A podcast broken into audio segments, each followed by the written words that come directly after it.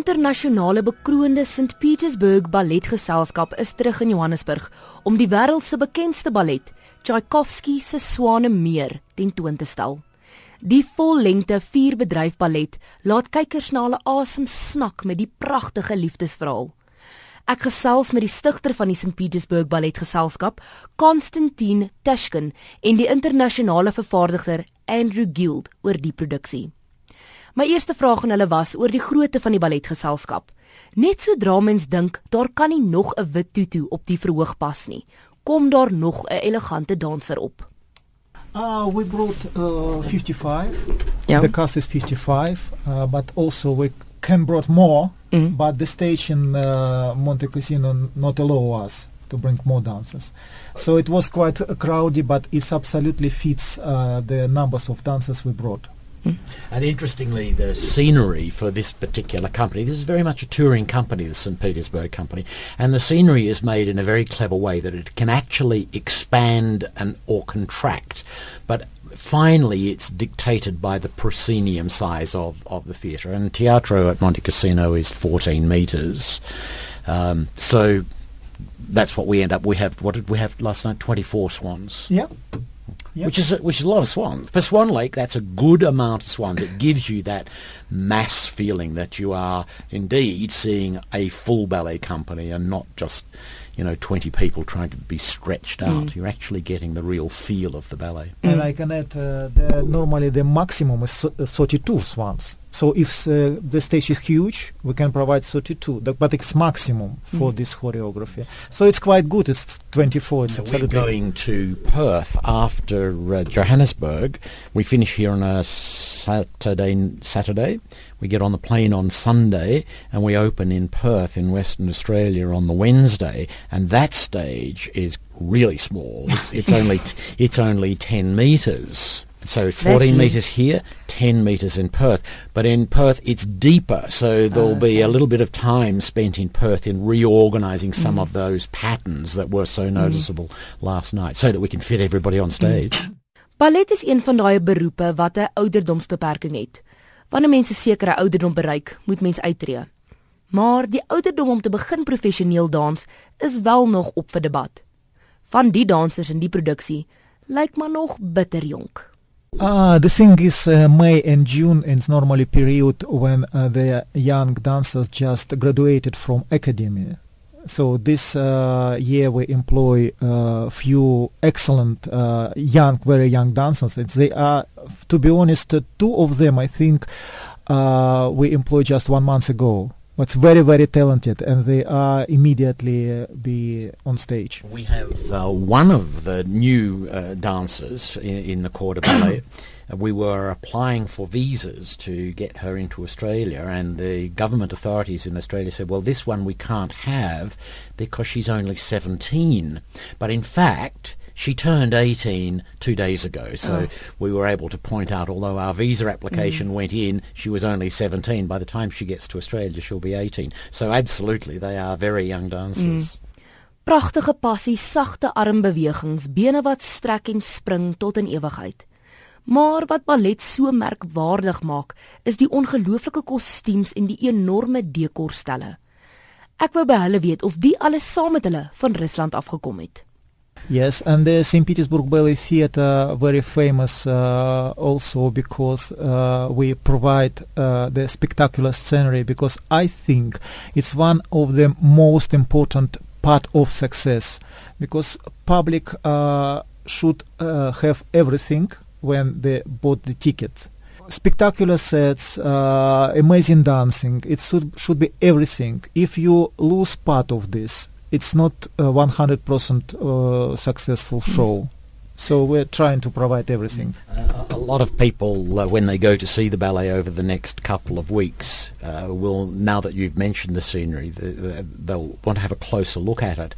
And if you look closely at the scenery, it's all soft sets, n- apart from the chairs and tables and things.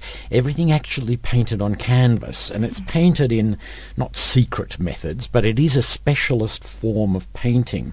And not only is it a specialist uh, form of painting, but the the design is made in that 3D look so that you get this enormous feeling of depth.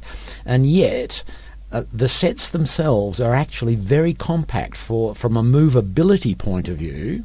That, and that's one of the huge advantages of this St. Petersburg company is that they are a very portable company. Those sets we can move in 24 hours to another theatre. But you wouldn't, in looking at them, you'd think they're big solid columns made of masonry and real trees and all the rest of it. It's, a, it's that typical theatrical illusion. Andrew Guild sê dat daar geen ander manier is om ballet te kyk as met 'n regstreekse orkes nie. Maar watse orkes is dit wat hulle gebruik? It's the Johannesburg Festival Orchestra, uh, which uh, my understanding is a private uh, orchestra. We've used it before when we've been here.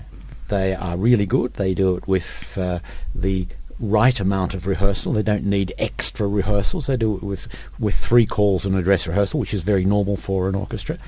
And they produce a fabulous sound. And the first violinist is just unbelievable. Mm. I, I believe she's a Romanian, in fact, who lives here in Johannesburg now.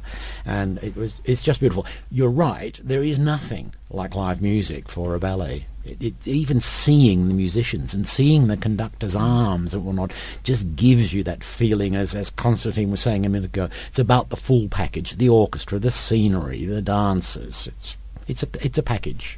And by the way, the conductor is uh, our uh, SPBT's one, Vadim Nikitin.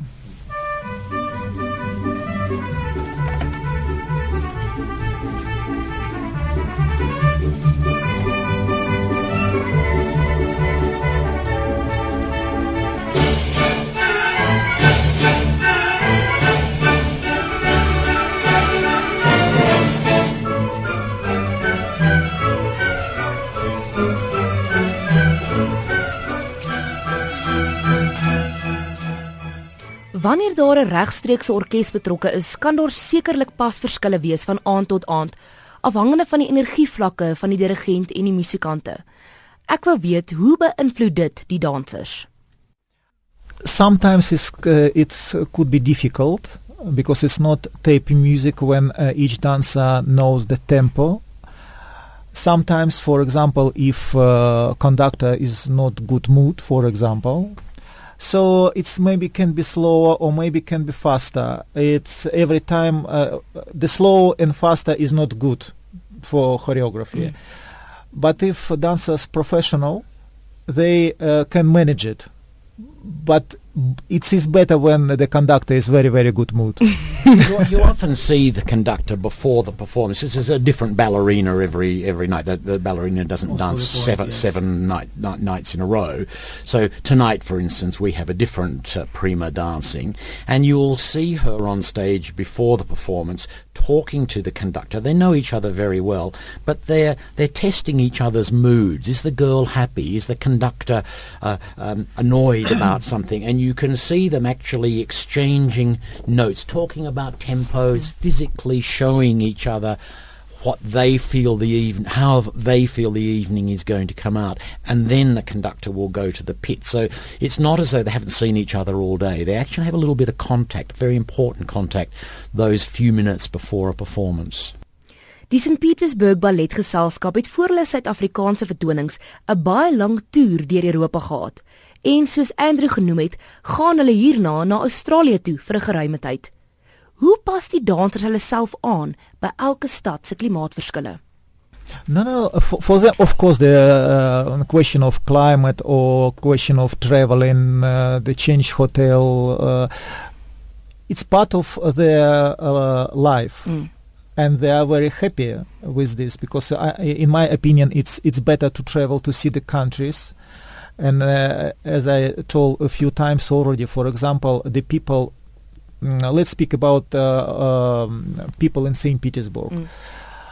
lots of people would like to see South Africa, but for this uh, they need to go to travel agency and pay for tickets and uh, hotels, but dancers not not, not pay for tickets. all, all your dancers have to do is go to school for nine years and learn how to dance.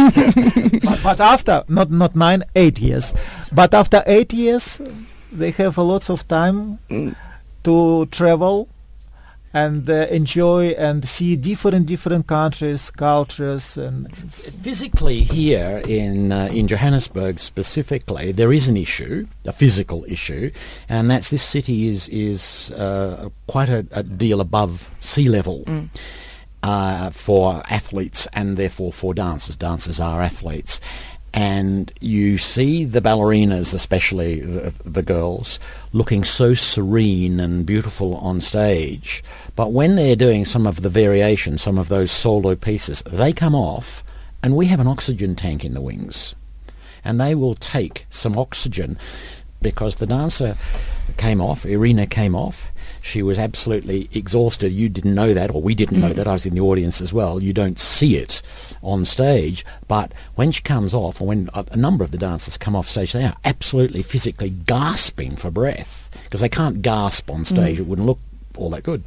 So when they come off, they're really trying to draw breath as quickly as possible and then go back on stage. So in this city, and we learned it from our last visit, something that helps the dancer is to to have an oxygen mask. I mean, they're mm. not lying prostrate yeah. on the floor, but they need to take a couple of deep breaths of oxygen and then get back on stage. Mm.